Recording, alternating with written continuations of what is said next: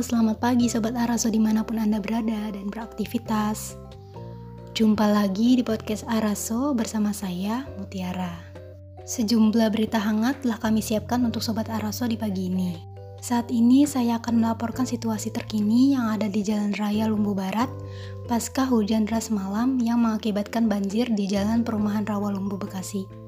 Di sini banjir tak berlangsung lama, namun banjir telah mengakibatkan jalan yang ada di perumahan Rawalumbu menjadi kotor dan becek. Banyak genangan air dan sampah yang berserakan di jalan akibat banjir semalam.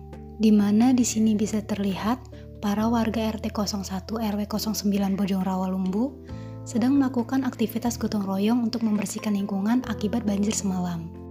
Aktivitas gotong royong ini berjalan lancar dan yang pastinya para warga tetap mengikuti protokol kesehatan COVID-19, seperti memakai masker dan menjaga jarak. Demikian informasi yang saya sampaikan. Saya Mutiara dari Jalan Raya Lumbu Barat Bekasi melaporkan. Terima kasih.